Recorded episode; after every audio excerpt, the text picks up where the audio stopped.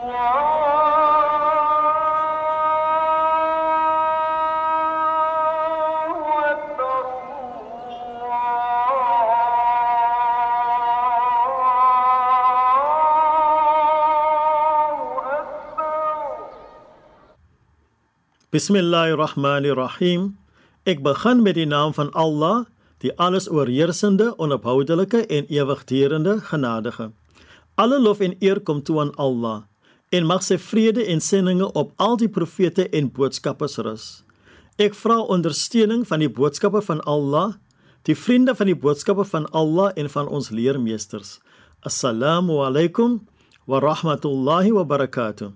Die vrede en sendinge van Allah op u. Rabba ya ribbu as die verlede en teenwoordige werk steeds werkwoorde van rabbaba afkom wat beteken om iets gaandeweg te koester tot 'n vlak van volmaaktheid en voltooiing bereik word. Wanneer ons na Allah verwys, beteken die woord Rabb drie dinge. Die Skepper of Al-Khaliq, die Meester Al-Malik en die beplanner van alle sake Al-Mudabbir.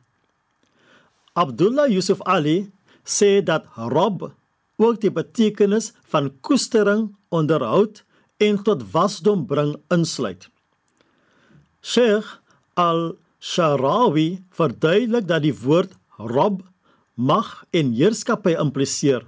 Daarom volg Allah dit op met die vers die alles oorheersende en ewigdurende genadige wat genade en liefde insluit. Imam Al-Qurtubi sê dat die betekenis van alamin die onderwerp van baie debatte is. Ibn Abbas sê dat dit slegs jin en mens insluit.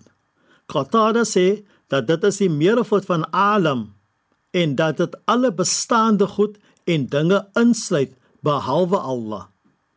Ek verkies om die opinie van Qatada te ondersteun want dit sluit fenomene in wat ons as 'n spesies nie eens bewus is van nie.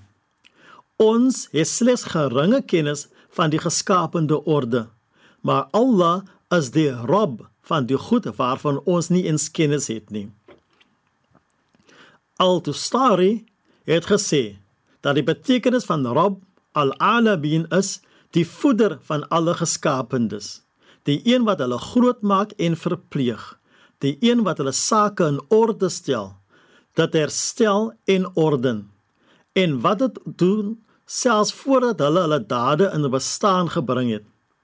Hy hanteer hulle volgens sy voor ewige kennis van hulle, soos hy wil, soos hy dit beveel het en hulle het geen ander meester behalwe hy nie. O Allah, U is die Rabbul Alamin. Voed ons op in U heerskappy en genade. Ons vra dit met die seëninge, die goedheid en die geheimenisse van Surat Al-Fatiha of die openingsvers van die Heilige Koran. Bismillahirrahmanirrahim. Ek begin met die naam van Allah, die alles oorheersende en onophoudelike genadige.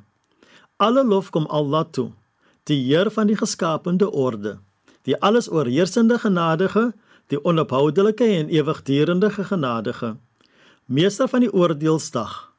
U alleen aanbid ons en U alleen smeek ons om hulp. Lei ons op die regte weg, die weer van hulle wie u guns verdien, nie die weer van hulle op wie u toore neergedaal het nie, of die weer van hulle wat afgedwaal het nie. Walhamdulillahi rabbil alamin. En alle dank en lof kom toe aan Allah. Dit is weerens ek, Shaid Maniers wat u met God se vrede, God se seëninge en God se genade groet tot 'n volgende keer insha Allah. Allah